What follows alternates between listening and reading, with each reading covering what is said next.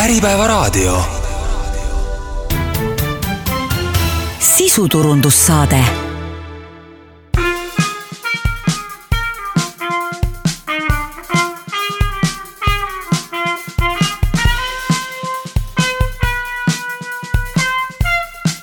Soraineni sagedus, mitu arvamust, üks eesmärk. tere tulemast kuulama Soraineni sagedust. mina olen Maarja Sõrm, minuga täna siin stuudios on Kaupo Lepasepp, tere! Ja meie külalisteks on äh, Martin Kruus, kes on Sunly asutaja ja taastuvenergia investor ja Soraineni partner Paul Künnap, tere! tere! tere! ja tänase saate teemaks on äh, kauaoodatud megaprojektid. ma hakkaks kohe sellest pihta, et äh, palju räägitakse, sillad, tunnelid, kõiksugu tehased, aga miks ei juhtu, miks see ainult jutt ja, ja miks, mida me ootame, kelle süü see on?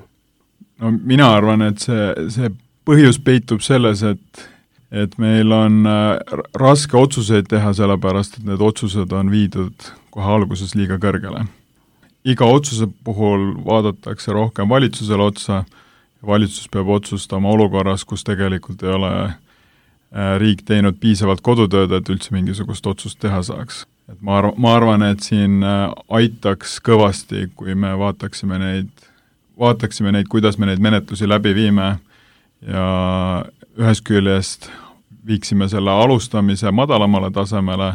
aga teisest küljest meil on ka kõvasti tööd vaja teha selleks, et need protsessid kokkuvõttes oleksid oluliselt lühemad, kui mis nad praegust on.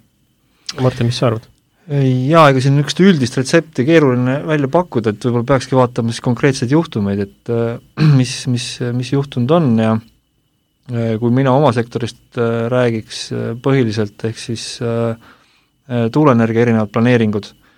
siis äh, ja, ja need on sedasorti olulised planeeringud, et äh, seal on riik äh, moel või teisel kaasatud, tihti on ta kaasatudki ju planeeringu algatajana,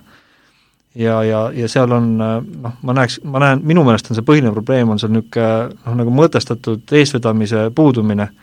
et neid asju tehaksegi paljuski sellepärast, et noh, ma ei tea, Euroopa Liit käsib näiteks, et on erinevad direktiivid, mis sunnivad äh, läbi viima ka erinevaid planeeringuid sealhulgas taastuva taastuvenergia planeeringuid ja teised direktiivid, mis siis sunnivad eh, taastuvenergia eesmärke täitma, aga sellist eh, meie enda nagu arusaama, et miks me neid asju te-, teeme ja mis on meie tegelikud eesmärgid, et seda, seda on nagu vähe, eh, samal ajal teatud sellised stiimulid ettevõtjatele on justkui nagu olemas, ehk siis ettevõtjad käivitavad mingeid protsesse, esitavad mingeid avaldusi kuhugi, võib-olla saavad ka kellegi kuskil juba nõusse, et, et noh, näiteks mingi keskkonnamõjude hindamise programmiga kuskil välja tulla või midagi taolist, aga siis noh, see protsess jääb nagu niisuguse ilma nagu peremeheta, jääb nagu hülpima kuhugi, äh, jääb sellistesse arvamuste ja, ja intriigide niisugusesse tõmbetuulde ja, ja sellist noh, autoriteetset eest, eestvedamist nagu ei ole. ja see ei pea tingimata olema riik, äh, kes seda eestvedamist teeb, aga vähemalt peab olema noh, kõigil nagu selge, et kes ta siis on ja, ja, ja see peab olema ka siis piisavalt äh, noh, ühiskonnas autoriteetne, et, et äh, osapooled äh, teda ka nagu usaldaksid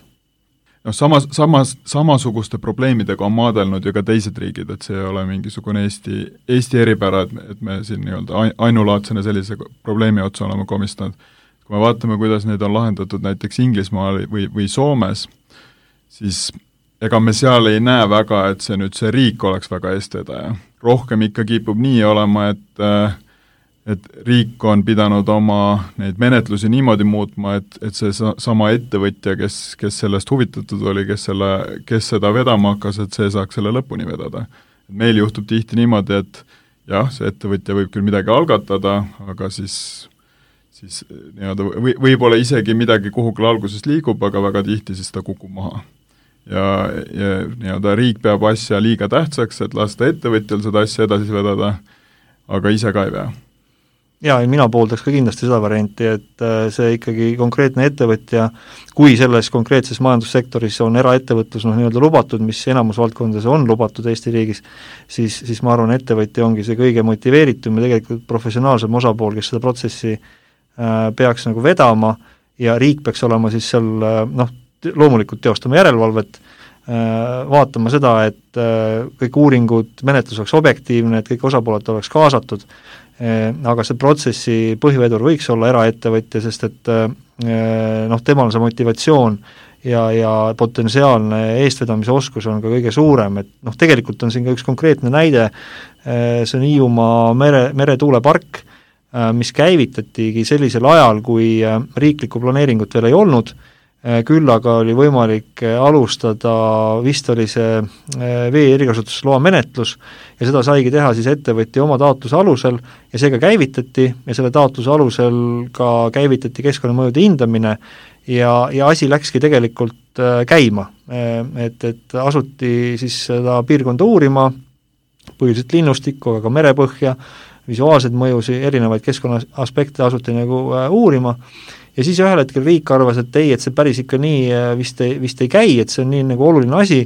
et riik peaks selle planeerimise enda kätte võtma ja võttiski. ja, ja siis tehti selline asi, et tehti kahes piirkonnas, tehti siis selline äh, Äh, test merealade planeerimine, üks oli siis Hiiumaa ja teine oli Liivi laht.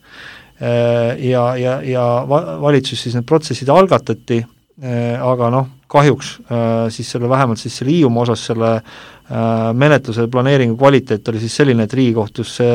tuuleenergia osa nagu tühistati. ehk siis just nimelt näide sellest, et ettevõtja käest võeti see protsess ära, riik võttis enda kätte ja, ja, ja tulemus oli negatiivne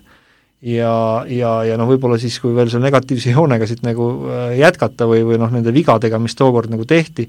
oli see, et ega Riigikohus selles mõttes ei öelnud, et, äh, et kas temal on tuuleenergia poolt või vastu midagi. tema nägi lihtsalt seda, et seal menetluse käigus on tehtud äh, vigu, võib-olla ühte või teist asja ei ole piisavalt nagu uuritud ja, ja, ja kuna see otsus oli päris noh, ütleme niisugune sensatsiooniline, siis, siis Riigikohus oma pressiesindaja või, või ma ei teagi täpselt, mis ametimehe vahendusel üritas seda äh, otsust ka hiljem korduvalt äh, noh, nii-öelda selgitada, et mida nad tegelikult siin nagu mõelnud on, eks ju. ja, ja nad tegelikult, nad ka ütlesid, et äh, ega siin äh, põhimõtteliselt ei olegi mingit äh, midagi valesti, lihtsalt on teatud asjad jäetud tegemata ja nüüd tuleks teha vigade parandus. aga seda vigade parandust saab teha jällegi ainult nagu riik aga sellest kohtuotsusest on oma mitu aastat mööda läinud ja tegelikult mitte mingit vigade parandust noh, ei ole tehtud. ja see jällegi indikeerib seda eestvedaja noh, niisugune täielikku nagu puudumist no eks need mega, megaprojektid ja suured projektid ilmselt ongi keerulised arendada, et neid erinevaid mõjusid on mitmeid. aga no Martin, sul on hästi pikk kogemus, sa oled ka kahe tuhandete alguses mitmeid tuuleparke Nelja energiapäevil äh, planeerim-, planeerinud ja lõpuks ka nagu ehitanud, et kas sa võid välja tuua ka mingid ajas, ajas toimunud mingisugused muutused, et kas toona oli lihtsam tuuleparki planeerida kui praegu või, või oli, oli ka toona täpselt samasugused raskused? Oli kindlasti lihtsam, sest et noh, siis ei olnud ka kellelgi, eriti, eriti ka riigil mitte ja, ja avalikkusel ei olnud mingisuguseid erilisi ootusi või seisukohti välja kujunenud. ja see oli mingisugune uus selline noh, võib-olla isegi niisugune natuke veider tegevus, mis ei olnud noh, võrreldes siis nii-öelda vanakooli energeetikaga ei olnudki üldse niisugune tõsiseltvõetav tegevus, ja, ja need planeeringud äh, kehtestati ja, ja nende järgi tuuleparke ehitati, aga siis noh, no ja täpselt sa-, sinnasamma hulka kuulub ka see, see Hiiumaa lugu, eks ju, et aga, aga nii, kui siis saadi aru, et, et see on mingi riigi jaoks nagu oluline valdkond äh,, nii siis võeti see asi enda kätte. Ja noh, ma võin siin ühe teise näite kõrvale tuua, et äh, Eh, kehtestati ka maismaal nelja maakonna tuuleenergia teemaplaneeringud, need olid siis Hiiumaa, Saaremaa, eh, Läänemaa ja Pärnumaa, eh, ja, ja noh, okei okay,, seda protsessi võib ka kritiseerida, et, et mis, mis eeldusi ja sisendeid seal kasutati ja nii edasi, aga lõpuks nad siiski kehtestati, aga võib-olla veelgi olulisem see, et nendele aladele minu teada ei ole mitte ühtegi tuulikut äh, rajatud ja, ja, ja, ja see planeering kehtestati nii kaugel ajaloos, et ma isegi, ma isegi ei julge seda noh, aastat praegu siin pakkuma hakata. mis see tähendab? see tähendab ka seda, et, et see protsess viidi läbi väga formaalselt äh, ja selle alusel tegelikult ehitada ei olnud võimalik äh,, kuna tegemist oli maakonna planeeringutega, siis äh, ütleme, et sealt edasiliikumiseks oli siis vaja kohalikul omavalitsusel teha toiminguid äh,, kas nad olid siis otse projekteerimistingimustega ehitusloa menetlusse minek või mõnel juhul vist isegi nõuti ka detailplaneeringu tegemist Eh, aga igal juhul kõik need protsessid algasid om-, kohaliku omavalitsuse jaoks sisuliselt nullist, kuna see planeering ei andnud eh, noh, mingeid nagu nii-öelda piisavaid õiguslikke alused, et, et saaks üleüldse öelda, kas sinna üldse võib tuulikuid panna või mitte. et eh, noh, jälle kahjuks selline näide, et, et kui eraettevõtjad kahe tuhandete või noh, ütleme siis nullindate alguses hakkasid neid asju tegema, saigi asjad tehtud ja need enamus tuuleparke, mida me, maismaa tuuleparke, mida me täna Eestis näeme, need on, need planeeringud ongi kõik nullid esimeses pooles tehtud tegelikult. ja siis mingil hetkel see asi nagu jooksis kinni ja tegelikult ta on kinni jooksnud kuni tänase päevani. et noh, uusi tuuleparke ju praktiliselt ei ole tulnud Paul, kas sa jagad juristina ka seda vaadet, et projektide planeerimine, suurte projektide planeerimine ongi muutunud keeruliseks aja jooksul? jah, minu jaoks see, see, mis Eestis toimub, meenutab väga seda, mis Soomes toimus kuskil kümme aastat tagasi et ka siis so-, Soome oli jõudnud sellisesse punkti, kus sisuliselt ükski projekt edasi ei läinud, kõik, kõik jäi kuhugile õhku rippuma. ja, ja tegelikult äh, Soomes tajuti seda probleemi ja nii-öelda selle, et mida me siis teha saame, me, me saame sealt vaadata, et mida siis teha saab. et siin on, see hea näide on see Äänikoski tselluloositehas, eriti sellepärast, et Eestisse prooviti täpselt samasugust ehitada väga hal-, halva tulemusega aga Soomes nad võtsid selle Äänikoski projekti pilootprojektiks, see oli siis tollase peaministri Sibile eestvedamisel, et nad äh, vaatasid, et kuidas neil oleks võimalik selline projekt ellu viia mõistliku ajaga äh,, siis koostöös ettevõtja ja, ja riigi vahel. ette rutates nad saavutasid tulemuse, nad, nad suutsid teha äh, kõik keskkonnamõju hindamised, planeeringud ja, ja ehitusloa ja ka vaidlustused ja kohtus käia umbes aastaga. et äh, noh, mis nii-öelda, kui me Eestis seda vaatame, siis tundub täiesti uskumatu, kuidas niisugune asi on võimalik, aga nad selleks ei pidanud muutma seadusi, äh, ma olen veendunud, et nad ei teinud ühtegi allahindlust äh, nõuete osas, see, see, kuidas nad seda tegid, oli lõppkokkuvõttes, põhines sisuliselt ühest küljest koostööl, et äh, mitte ainult siis ettevõtja ja riik, aga ka noh, mida me siin väga palju näeme, et riigi oma asutused omavahel ei tee koostööd, et äh, ük-, üks räägib ühte, teine räägib teist ja nad ei, omavahel ei tea, mis, äh, mis, mis see teine on, on otsustanud või ei suuda ka hinnata, noh väga tihti me näeme seda, et ei suudeta otsustada, et mis on oluline ja mis mitte, noh, need, kes neid menetlusi läbi viivad, peaksid tegelikult filtreerima, et kui teistest asutustest tuleb ebaolulisi märkusi, siis noh, nad peaksid seda ütlema. aga Eestis seda väga ei tihti ja me võime takerduda mingisuguse täiesti kolmanda järgu asja külge äh,, lihtsalt seetõttu, et, et mingit filtrit ei ole. aga see oli üks aspekt, siis äh, teine aspekt oli see, et, et neid menetlusi viidi läbi paralleelselt. noh, ühest küljest need tihti on sellised äh, et noh, kuigi seal nende otsuste tegemisel peab olema mingisugune nii-öelda ajaline järjekord, siis nende menetlused ise tegelikult äh, need, neid võiks rohkem paralleelselt läbi viia, sellepärast et need andmed, mis kogutakse, noh, need neid kasutatakse läbi, läbivalt kõikides menetlustes ja ja tihti see, et need on värsked andmed, on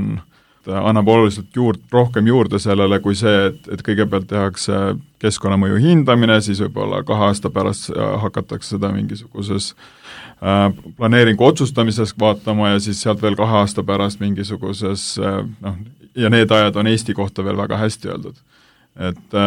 milliseks ajaks loomulikult seal mitme aasta pärast on need esialgsed andmed juba aegunud ja soovitakse uusi ja peaks teistmoodi tegema ja nii edasi, siis peab hakkama nullist jälle mingeid asju tegema et, et seetõttu see, see aeg on, selle aja lühendamine on kasulik ka selle menetluse kvaliteedi jaoks, ehk siis tegelikult tuleb parem asi, kui seda teha äh, kiiremini, noh, ma ei ütle, et, et midagi peaks tegemata, et ma kõik, kõik asjad on vaja ära teha, aga kui need tehakse kiiremini, kui need noh, näiteks seesama koostöö, et kuidas nad tegid, oli, et nad alguses võtsid äh, kõik need isikud kokku, kes seda menetlust läbi viisid, ja nii-öelda kooskõlastati ajakavad. ehk äh, nii-öelda oligi, et minul läheb selle asja tegemisega nii kaua, vaadake, et teil on siis seal teises asutuses keegi valmis selle, selle palli kohe üle võtma, kui me valmis oleme. ja niimoodi tehtigi ja niimoodi see, see, ajakava saavutatigi. ja üks võib-olla täiendav äh, kasutegur sellest oli see, et et noh, mis, mis me oleme Eestis ka palju näinud, on, et, et sellised projektid, mis jäävad vinduma, nende, nende, nendesse tekib mingi oma mütoloogia ja mingisugused vandenõuteooriad hakkavad niimoodi vaikselt arenema ja, ja nii-öelda tundub, et selle, sellel nii-öelda ajas, et kui pikk see protsess on, on korrelatsioon sellega, et kui kui keerukateks need äh, erinevad teooriad jõuavad areneda. et äh, kui see menetlus toimub äh, arusaadavas tempos, siis äh, see tegelikult on ka sellele kohalikule kogukonnale palju arusaadavam, lihtsam ja selle ümber jõuab vähem mingisugust niisugust ebaasjakohast mütoloogiat tekkida. ma korra küsiks vahele, et kui suur roll on selles kõiges suurepärasel Not in my backyard mõttelaadil, mm, kas see on hakanud siin tänapäeval rohkem vohama? No see on, noh see ongi see üks, üks põhilisi küsimusi tegelikult, aga noh, ma arvan, see Pauli poolt toodud Soome näide on nagu väga hea näide, et, et meil tõesti ei ole vaja kuhugi kaugele minna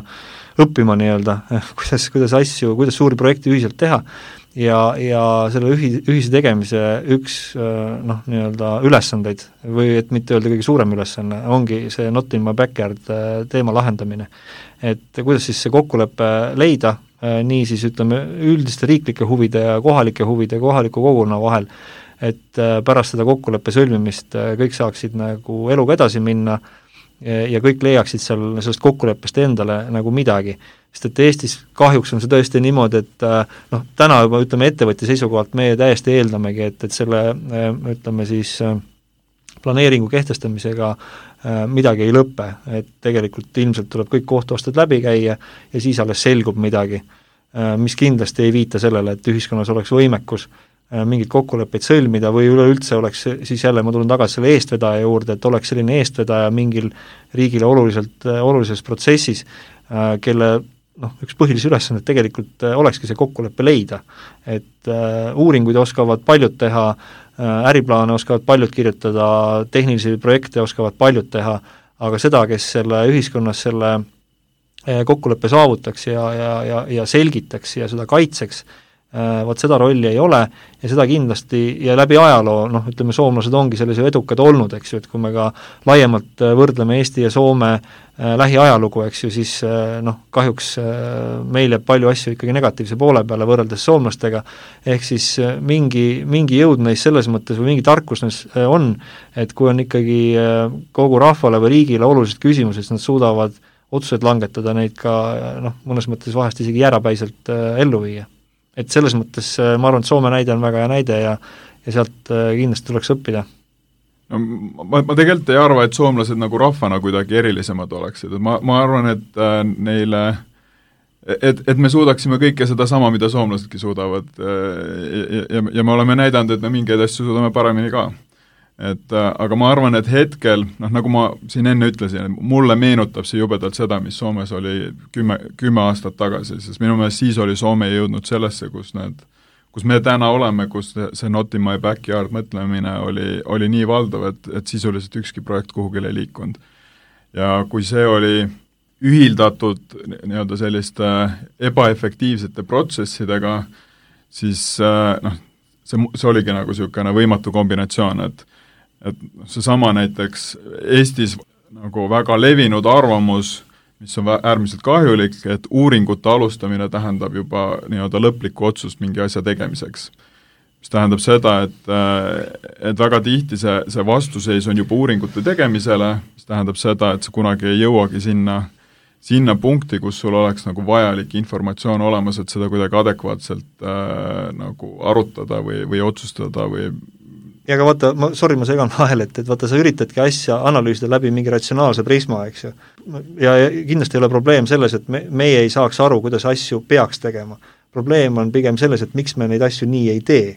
et selles on, mina näen seda just, just probleemi ja. ja seal ma nagu otsingi mingisugust laiemat selgitust, sest et noh, ma arvan, ka tänane saade ei ole tekkinud mingi ühe ebaõnnestunud projekti tulemusena, vaid siit on ikkagi välja kujunenud ikkagi aastatepikkune muster, kus tegelikult üldse suurprojekte enam teha ei saa Eestis. Ja, ja, ja võib-olla see minu mingi rahvuste analüüs siin kodukootud ka kindlasti ei ole see, see kõige adekvaatsem, aga mida ma öelda tahan, on see, et me tegelikult peame otsima äh, põhjuseid natukene laiemalt kui ainult sellist vaatama sellist ratsionaalset projekti juhtimise äh, loogikat või, või, või mingit juriidilist loogikat, et äh, ma arvan, et siin on loomulikult eestlased sama nutikad ja sama targad nagu mis tahes teine rahvus, aga, aga siin on mingid muud probleemid,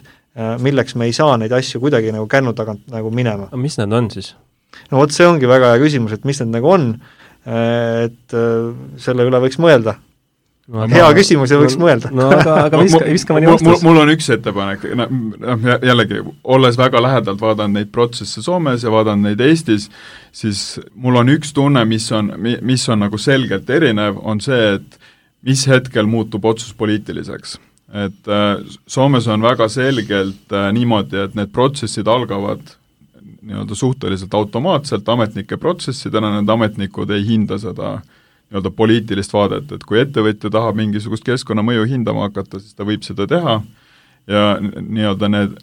nende uuringute alustamine ja uuringute noh, see, see osa ei ole poliitikute pädevuses, mis tähendab seda, et, et, et valitsus või kohaliku omavalitsuse tegelased ei pea mingisuguseid poliitiliselt keerulisi nii-öelda otsuseid vastu võtma. mis, mis aitab oluliselt kaasa sellega, et, et, et siis, kui ta jõuab sinna faasi, et, et nüüd on vaja tegelikult otsustada, on see, see nii-öelda see info hulk,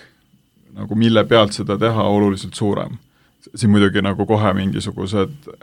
noh, võib-olla vastakaid tundeid tekitavad, aga näiteks kuidas Soomes planeeritakse tuumaelektrijaamu, jaamasid. et ka see algab samamoodi, et see, see esimene otsus ei ole poliitiline otsus, see esimene otsus on, on kellegi ettevõtja otsus, et, et ta tahaks nüüd seda hakata arendama. loomulikult sealt, see lõpuks on poliitiline otsus ja noh, lõpuks see läheb ju Soome, Soome Riigikoguni välja, kes selle otsuse lõppkokkuvõttes peab tegema aga vähemalt need menetlused on tehtud niimoodi, et selle, et selleks ajaks, kui ta sinna Riigikokku jõuab, et seda, seda ei tehta seal seda otsust nagu kõhutunde pealt, vaid selleks on ikkagi nii-öelda sellised uuringu tulemused, mida riigi oma ametnikud on valideerinud. et äh, kas siis nagu Soome ja Eesti võib-olla see erinevus, kust me saaksime nagu ka probleemile lahendust otsida, see, et, et Soomes lastakse kõik analüüsid lõpuni ära teha valmistatakse ette üks äh, otsus otsustajatele otsustamiseks, versus see, et Eestis me nagu pelgame võib-olla oma mineviku taaga tõttu, et, et kui kellelgi tekib idee, siis me kohe kardame, et see idee realiseerub ja kindlasti kolm korda hullemana, kui ta on, ja seetõttu me üritame juba nagu ideed eos lämmatada, ideed eos äh, maha tappa, ennem kui need analüüsid äh, on teostatud, sest noh, ettevõtja võib ka ju teha järelduseni, et äriliselt ei tasu ära, või tõesti, et selle, selle piirkonna, ma ei tea, geoloogilised eripärad ei, ei võimalda vastavat ehitust teha no minul on tunne, et, et, et see võiks olla üks põhjus, miks, miks meil praegust on nii erinev seis Soomega võrreldes.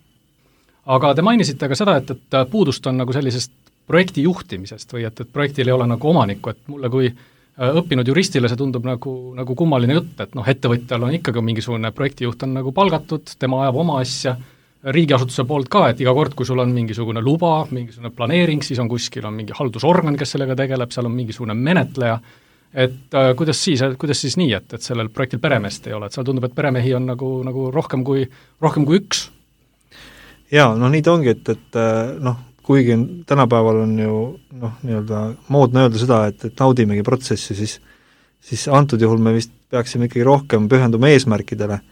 ja kuna need suured planeeringud on kõik äh, riigi korraldada, neid isegi kohalik omavalitsus ei puutu asjasse, siis, siis see noh, ja kui see nii ka jääb, noh praegune seadusandlus ka niimoodi ju valdavalt äh, selle ette näeb äh,, siis peale äh, riigiametniku ei saa see mitte keegi teine olla.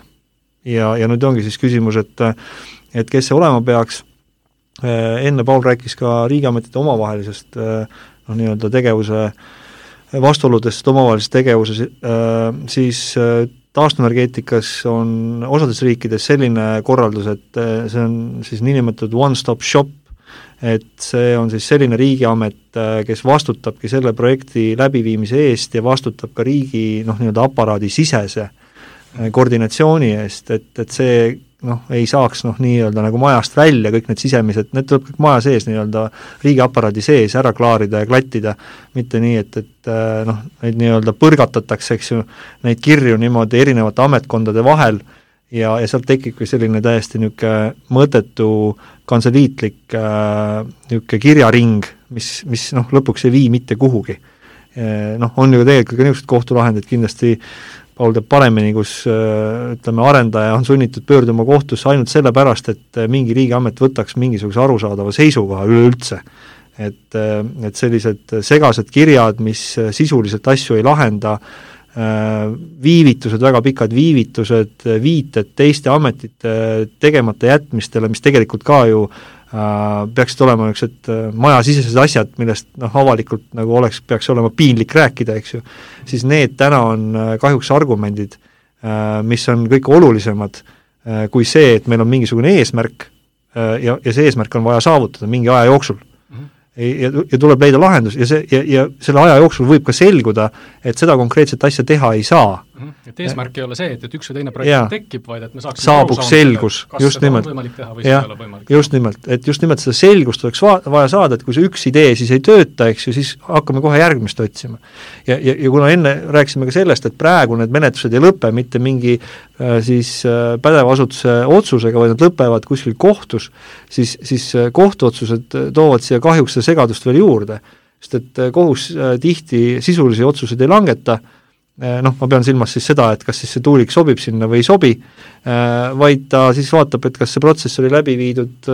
vastavalt seadusele või mitte ja kui sul oli mingid puudused, siis ta saadab ta noh, nii-öelda uuele ringile ja põhimõtteliselt see niisugune luupimine on, on nagu lõpmatu ja, ja noh, tegelikult see projekt juba noh, sureb ära juba seal esimese noh, nii-öelda tagasisaatmise käigus või noh, hiljemalt siis äh, kolmanda tagasaatmise käigus ja, ja sealt, ja aastad lähevad ja see, see Soome tselluloositehase näide, kus ühe aastaga tehakse asi ära, noh, see tundub Eesti kontekstis täna noh, täielik ulme. et noh, siin alla viie aasta ei toimu midagi, pikemad protsessid tiksuvad siin juba ma ei tea, kümnendat aastat ja, ja ka mitte midagi ei toimu, mis noh, tegelikult ju näitab seda, et äh, dünaamilises rahvusvahelises konkurentsis noh, sisuliselt me ei osale selles, sest et kui me mõtleme nüüd ikka päris tõsiselt ühe ratsionaalse protsessi peale, kus me isegi kümne aasta jooksul ei suuda saavutada selgust, siis, siis järelikult meil puudub igasugune võime selliseid protsesse läbi viia. ja need on näited elust enesest, need ei ole mingi noh, lihtsalt nagu välja mõeldud äh, asjad. no siin üks näide on, et äh, see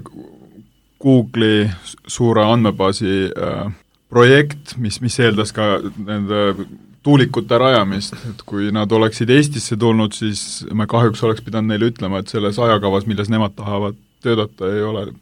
ei ole reaalne kuhugile jõuda. Nad läksidki siis Soome, kus, kus, kus need ajakavad on, on teistsugune ja kus riik suudab tõestada, et ta suudab nendes ajakavades ka püsida. et äh, noh, siin see one-stop shop äh, minu meelest Inglismaal on selline one-stop shop lahendus. Taanis on kindlasti, ma tean. jah, kus, kus äh, tõepoolest need, ma Taani oma ei tea, Inglismaa, Inglismaa oma ma olen natukene uurinud, nad, nad neid otsuseid teevad ikkagi kaheksateist kuuga ära niimoodi, et on algusest lõpuni nii-öelda kõik load, mis sul on vaja selleks, et äh, et see mingisugune tuulepark näiteks merre püsti panna. et see, ja noh, üldse ma olen aru saanud, et Euroopa Liidus räägitakse, et see, see, kuhu jõudma peaks, oleks see, et, et kogu Euroopa Liidus need äh, sellised protsessid ei tohiks rohkem aega võtta kui kolm aastat. et noh, me Eestis oleme, oleme ka sellest ikka väga kaugel, et, et, et, võiks öelda, et, et kolme aastaga meil, meil on võimalik mingisugune projekt mm -hmm. nii-öelda selle lõpliku otsuseni niimoodi, et saaks ehitama hakata, viia okei okay,, et me oleme siit jõudnud siis võib-olla nagu teise soovituseni või mõtteni, mida kaasa võtta, et, et Eestis oleks vaja ka sellist one-stop shopi, midagi sellist lahendust, mis, äh, kus põhimõtteliselt riigi poolt oleks äh, keegi vastutaja, noh Soome näitel me teame, et see oli lõpuks peaminister Sibila ise, et et, et tervitame ka siis peaminister Kaja Kallast, et, et siin on kindlasti probleem, millega tuleb midagi ette võtta, muidu peate ise hakkama mingeid planeerimismenetlusi menetlema ma, ma korrigeeriksin seda, et see, see, see projekt viidi läbi Sibila algatusel, aga, aga ta is-, isiklikult siiski seda läbi ei viinud, et selle ikkagi viisid läbi nii-öelda asjakohased asutused ja ametnikud. Äh,, ega Sibil isiklikult ei otsustanud selle jaa, ega, ega ongi, et ega suurepärane juht peabki lihtsalt nagu korraldama ja vägesid suunama niimoodi, et, et me jõuame nagu mõistliku lahenduseni ja noh, teine asi tegelikult, mis Martini jutust välja koorus ikkagi, on ka veel see, Rein Langi poolt äh, kuulsaks tehtud mõiste ABS, administratiivbürokraatlik süsteem. et ka see ABS kipub ikkagi pigem olema Eestis sellise piduri, piduripedaali funktsionaalsusega või sellise peatava funktsionaalsusega, mitte, mitte nagu tegelikult uutele ideedele ja mõtetele hoogu andva aga, aga, aga sest one, et see jääks kõlama, sest one-stop shopist üksi on kindlasti vähe. sest et sellest on räägitud ka väga pikalt ja tegelikult kui sa lähed selle one-stop shopi nii-öelda põhimõtte analüüsi, siis tegelikult ja, ja ka riigiametnikega seda nagu analüüsid, siis, siis väga tihti sa jõuad ka ise selleni, et ega tegelikult äh, seda one-stop shopi kui nagu mehhanismi üksinda tegelikult ei ole vaja. Äh, sellel one-stop shopi nagu juhil või siis konkreetse selle valdkonna juhil, kes siis seda valdkonda veab, peab olema ka väga selge mandaat. ja see mandaat ikkagi on poliitiline et, et siin peab kaks asja koos olema ja, ja noh, kui ma selle Taani näite näiteks toon, eks ju, siis, siis Taanis oligi see selge poliitiline otsus, kus seitsmekümnendatel äh, esimese naftakriisiga äh, leiti, et äh, oleks vaja panustada siis taastuvenergeetikasse, tuuleenergeetikasse ja, ja kogu riik hakkas selle nimel tööd, tööd tegema ja, ja, ja see on, see ongi üks näide sellest, et äh, kuidas siis võeti konkreetsed eesmärgid, lepiti omavahel kokku või leiti, et need eesmärgid on Taanile kasulikud. Nende nimel tasub tööd teha. Ja, ja kui see otsus on langenud ja see on ka selles mõttes nagu selgitatud, et ta ei ole lihtsalt ka kuskil kabineti vaikuses langenud, vaid vaid see on noh, nii-öelda tugineb mingile laiemale toetusele, siis, siis sobivad igasugu one-stop shopid ja, ja, ja muud viisid, kuidas mingeid protsesse või juhtimisprotsesse eest vedada, mina ütleks, et see on juba nagu teisejärguline ma võib-olla sellega, et, et Soomes sellist one-stop shopi ei ole, aga, aga, aga on niisugused äh, teatavad erinevused suhtumistes on seesama, et, et, et kes, kellel on mandaat ja vastutus, et äh, noh, näiteks äh, keskkonnamõju hindamine. nüüd, kui see keskkonnamõju hindamine algatatakse ja see, see noh, sis-, sisuliselt see programm avalikustatakse siis ta ei käi nii-öelda enne avalikustamist läbi äh, seda nii-öelda teiste riigiasutuste äh, nii-öelda arvamusringe mm., mida nad, ta Eestis teeb korduvalt ja korduvalt ja korduvalt. vaid ta avalikustatakse ja kõikidel riigiametitel, kes sellest midagi arvavad, neid kutsutakse sellele arvamust avaldama täpselt samal ajal kui kogu ülejäänud publik. ehk äh, see tähendab seda, et, et siis, kui sa selle protsessiga alustad, siis sa tegelikult saad suhteliselt äh, alguses paika panna, et sellel kuupäeval ma saan kõikide riigiasutuste arvamused selle kohta ja ma saan kogu nii-öelda kõikide publiku liikmete arvamuse selle kohta. noh, seal ei ole riik ennast pannud kuidagi nagu teise positsiooni kui, kui kõik teised, kellel võiks midagi arvata selle kohta, on noh, see on ja nii-öelda, ja teine aspekt seal on see, et nendes menetlustes ikkagi see, kes seda läbi viib, noh, see ei ole one-stop shop, see on, et on, on näiteks äh, see keskkonnaametnik, kes viib läbi keskkonnamõju hindamise nüüd seda riigipoolset rolli, nendel see filter siiski toimib väga selgelt, et kui nad saavad arvamusi, kus, äh, kus äh, avaldatakse arvamus mingisuguse nii-öelda asja kohta, mis, mida, mida hetkel ei ole teada, mis tuleb kunagi tulevikus näiteks, et selleks ongi need uuringud vaja teostada, siis nad väga selgelt ka ütlevad seda ja rohkem seda ei arutata ja noh, seda, seda ka need teised riigiasutused aktsepteerivad, et noh, ega keegi, kõik ei saagi olla kõiges äh, ülipädevad, et see Keskkonnaametnik tõenäoliselt ei saagi teada seda, mida noh, mingi, mingi teine amet teab, ja vastupidi, see teine ametnik ei pruugi teada seda, et kuidas see protsess täpselt edeneb ja mis, noh, mis asjad on asjakohased selles protsessis ja mis asjad mitte. et selle asemel, et, et enne seda avalikustamiseks käiks niisugune lõputu kooskõlastusringide nagu ralli, kus, kus tuleb igasuguseid ilma filtrita küsimusi, siis see kõik toimub korraga ja ma arvan, et see mingil määral aitab ka sel-, selles osas, et äh, kui kõik toimub samaaegselt, siis, siis sellist tunnet, et mingid asjad toimusid kuskil salaja nagu seda on vähem, sest ei, ei toimunudki midagi salaja, kõik oligi avalik. et neid kooskõlastusringe lihtsalt eelnevalt ei olnudki jah, et teinekord äh, kiire menetlus äh, hoiab kogu informatsiooni inimeste teadvuses ja, ja tulevad äh, paremad otsused. aga sa, Martin, viitasid sellist vajadust sellise ühiskondliku leppe, ühiskondliku sellise konsensuse järgi, et et no mulle endale tundub, võib-olla ma suhtlen vale ringkonnaga, aga mulle tundub, et üldiselt ühiskondlik nagu lepe on nagu, nagu olemas, et kas Eestisse on nagu vaja majandust edenevaid, edendavaid projekte, jah, kas Eestisse on vaja nagu teha investeeringuid kliimaeesmärkide täitmiseks, et lihtsalt meie keskkonda paremaks teha, kõik ütlevad nagu jah, aga siis me jõuame ikkagi selleni, et äh, tegelikult kõik need asjad on vajalikud, aga mitte minu tagaaias. et kas sa nagu näed, et on midagi, midagi võimalik teha ka nagu paremaks selleks, et seda äh, kohalikku kogukonda meelitada nende projektidega nagu nõustuma, andes neile nagu sellist ausamat osalust, et noh, tõesti, et võib-olla kuskil kuskil teises Eesti otsas elu läheb paremaks, aga no minule tekib nagu müra, et, et, et kas sa näed, et on seal ka mingeid vajakajäämisi midagi riigi poolt või midagi ka ettevõtjate poolt? no see, et, et neid asju vaja on äh,, seda ei, mina ei võtaks seda nagu nii ise, iseenesestmõistetavana, sest et äh, see võib olla kellegi arvamus, et neid on vaja ja see, see, see keegi võib olla, noh, see võib ka olla mingisugune noh, näiteks Eesti Pank on ju, kes analüüsib Eesti majandust, Rahandusministeerium, kes analüüsib Eesti majandust, võib-olla mingisugused äh, finantsinstitutsioonid, äh, pangad, kes pidevalt analüüsivad äh,, mis maailma majanduses, Eesti majanduses toimuvad, toimub, aga selleks, et noh, nii laiapõhjalisi muudatusi teha, nagu need suured projektid on, sellest üksi on nagu vähe. ja, ja sealt minu arvates lüli, mis sealt nagu puudu on, ongi just see, et äh, neid äh, noh, nii-öelda mõtteid ja ideid või siis neid vajadusi nii-öelda on vaja ka selgitada niimoodi, et kõik need inimesed või kõik need nii-öelda inglise keeles stakeholder'id siis, kellest see projekti käekäik sõltub, saaksid sellest aru, et jah, seda ongi vaja, ega, ega kõik on ju selles mõttes ka ju mingil määral äh, abstraktse mõtlemise võimega ja kõik suudavad ennast mõelda ka korraks noh, nii-öelda riigi tasemele, et ei, et see not in my backyard ei ole ju absoluutne mõiste, et loomulikult äh, suudetakse ka asju ju laiemalt näha, on ju, aga kui need, neid asju tehakse ainult nagu niimoodi, et äh, kohalikust äh, noh, huvist nagu rullitakse täiega üle, siis, siis see ka ei tööta. ja see nii-öelda selgitamise pool äh, on, on minu arvates nagu puudu. ja, ja seda ei saa mitte keegi teine teha, kui see, kes selle projekti noh, nii-öelda eesmärgi saavutamise eest või siis selle konkreetse tegevuse eesmärgi saavutamise eest vastutab, ja kui see konkreetne tegevus on meil näiteks planeering ja planeeringu läbiviijaks on näiteks riiklike planeeringute puhul siis meil vist Rahandusministeerium praegu, äh, siis, siis peale Rahandusministeeriumi, äh, tema ametnike, ministri Äh, sellega tegeleb küll riigihaldusminister, äh, et siis äh, ei, ei, ma ei näe, ma ei näe mitte kedagi teist, kes saaks seda selgitada viisil, et sealt tekiks siis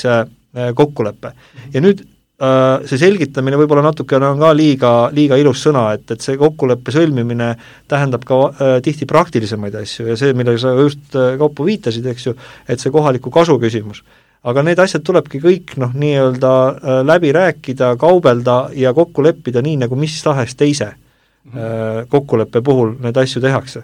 loomulikult ei saa seal tekkida kunagi konsensust, kõikide vajadusi ei saa mitte kunagi rahuldatud, äh, valdavas mahus, kellest see asi ikkagi sõltub, see kokkulepe ja see selgitus tuleks nagu saavutada et siis noh, ka, et, et, et õigesti aru saaks, et see, et arutatud idee sellest one-stop shopist või, või sellisest kesksest äh, Äh, projektijuhist riigipoolsest, et see ei peaks olema kindlasti mingi inimene, kes äh, lihtsalt otsustab ühel hetkel, et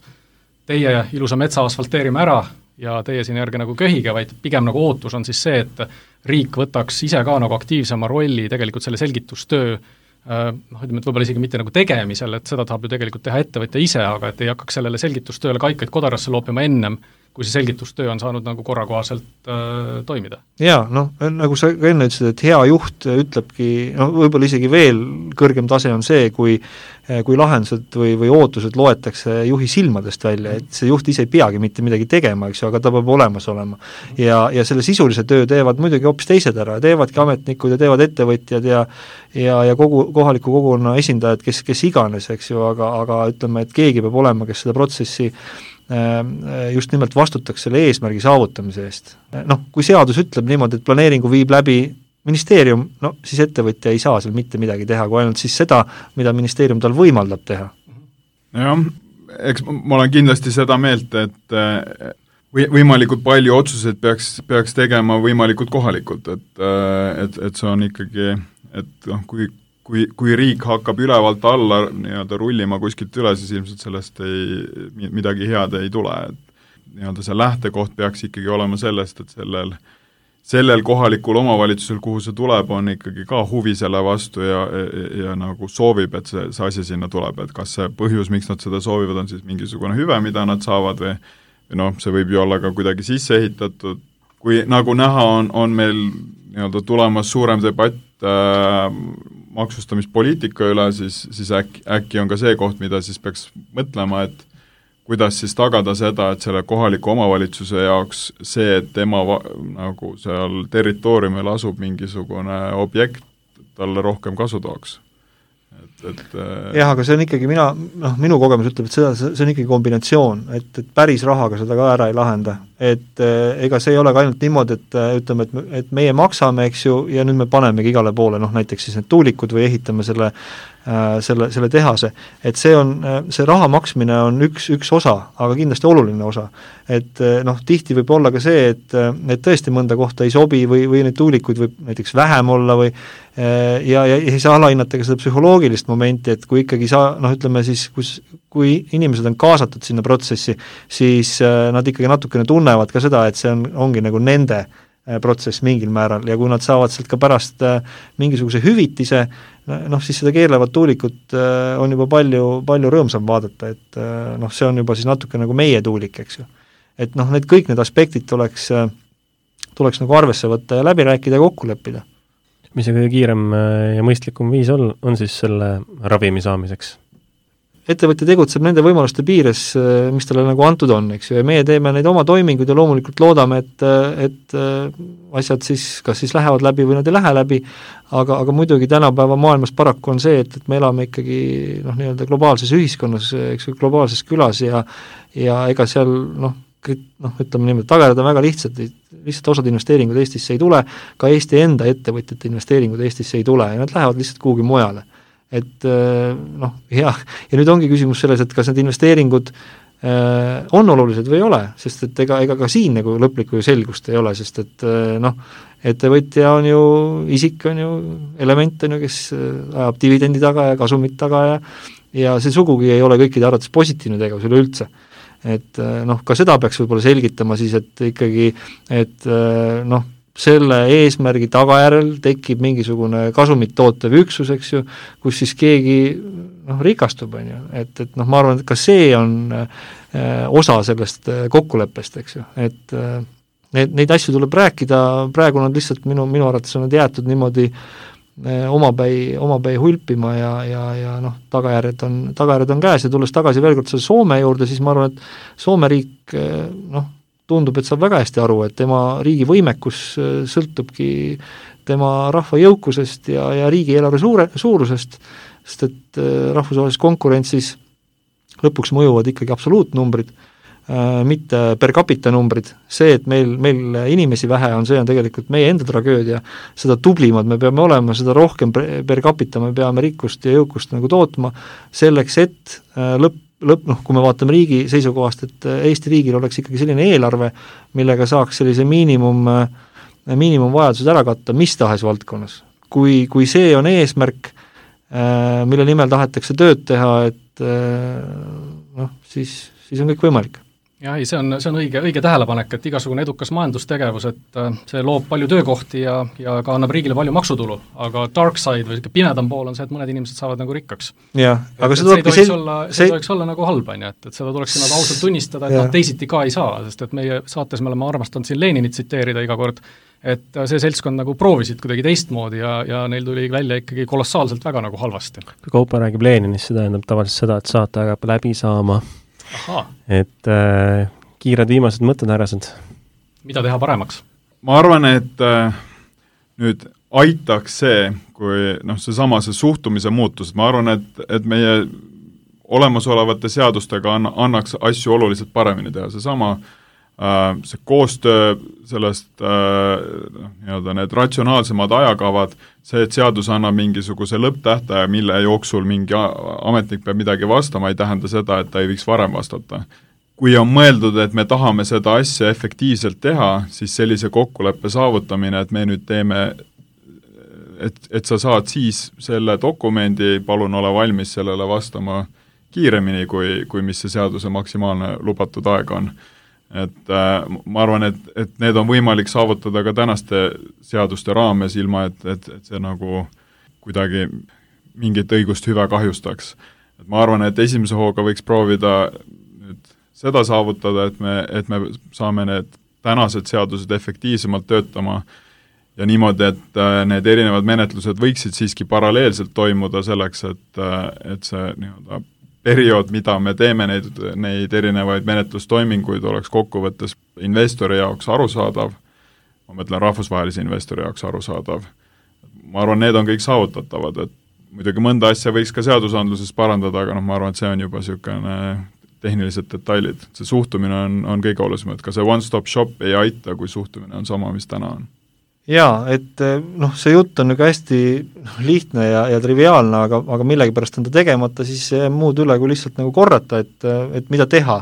no kõigepealt tuleks arutada ja kokku leppida eesmärgid, et eh, kui me tahame ühte või teist projekti eh, ellu kutsuda, siis kõigepealt arutame selle üle, et kas meil on seda projekti vaja, miks ta meile üldse hea on, võib-olla on mingi alternatiivne projekt hoopis palju parem, nii edasi. Ja, ja kui me oleme selle läbinud, siis, äh, siis me järelikult oleme püstitanud endale mingisuguse konkreetse eesmärgi, äh, eesmärki saab alati mõõta mingisuguste suurusnumbritega, mingisuguse aja, ajafaktoriga saab seda mõõta ja, ja need eesmärgid tuleks nagu paika panna, äh, siis tuleks panna loomulikult paika institutsioonid, isikud, äh, kes selle eest vastutavad, niisugust üleüldist leadership'i kindlasti oleks vaja, siis sellel isikul või selle isikute grupil, kes seda vastutust kannavad, peaks olema ka mandaat, mis ei tohiks kõikuda niisugustes poliitilistes igapäevatõmblustes, äh, piisav mandaat, ja siis see, see, see grupp hakkab seda eesmärki äh, saavutama nii, nagu igat teist eesmärki saavutatakse. et see protsess jagatakse mingiteks tükkideks, mingiteks vaheeesmärkideks, loomulikult elu toob alati mingeid ootamatusi. et äh, ja aga kogu aeg hinnatakse siis seda, et kas see tagasiside, mis me sellest protsessi käigust oleme saanud, viib meid põhieesmärgile lähemale või kaugemale. ütleme, senikaua, kuni ei, ole täielikult välistavaid asjaolusid selgunud, se-, senikaua tuleb äh, nendest tähtaegadest ja kokkulepitud eesmärkidest kinni pidada ja nagu nende asjadega ka käib, äh, käib ka vastutuse, vastutuse küsimus, mis, mis mulle tundub praegu Eesti ametnikkonna puhul nagu täiesti puudub. noh, keegi peab ka nende tulemuste saavutamise eest või siis mittesaavutamise eest ka päriselt vastutama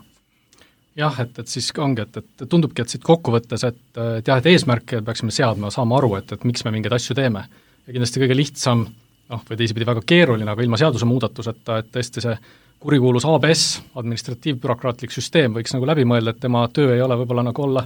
olla pidur, vaid siis nagu võimaldaja, ehk siis aeg on võib-olla ABS-ist muutuda nagu selliseks veojõu kontrolliks, mis tagab, et see menetlus ja, ja hoog liigub kenasti ja, ja õiges, õiges suunas. ja, ja võib-olla siit ka kaasa võtta see mõte, et kõik ideed kindlasti ei realiseeru, aga et mõtleme need ideed läbi, analüüsime need ideed läbi ja, ja tapame nad ära siis, kui selgub, et üks või teine planeering tõepoolest ei, ei sobi, mitte et me nagu suurest pelgusest kohe alguses kõikidele mõtetele, ideedele joone peale tõmbame. pidureid on ikka maailmas palju ja pidurdada jõuab alati. aga nüüd pidurdame ka saatega. kuulasite Soreneni sagedust, kus Paul Künnap ja Martin Kruus andsid meile retsepti, kuidas oleks Eestis võimalik läbi viia, ellu viia suurprojekte. aitäh kuulamast! aitäh! aitäh!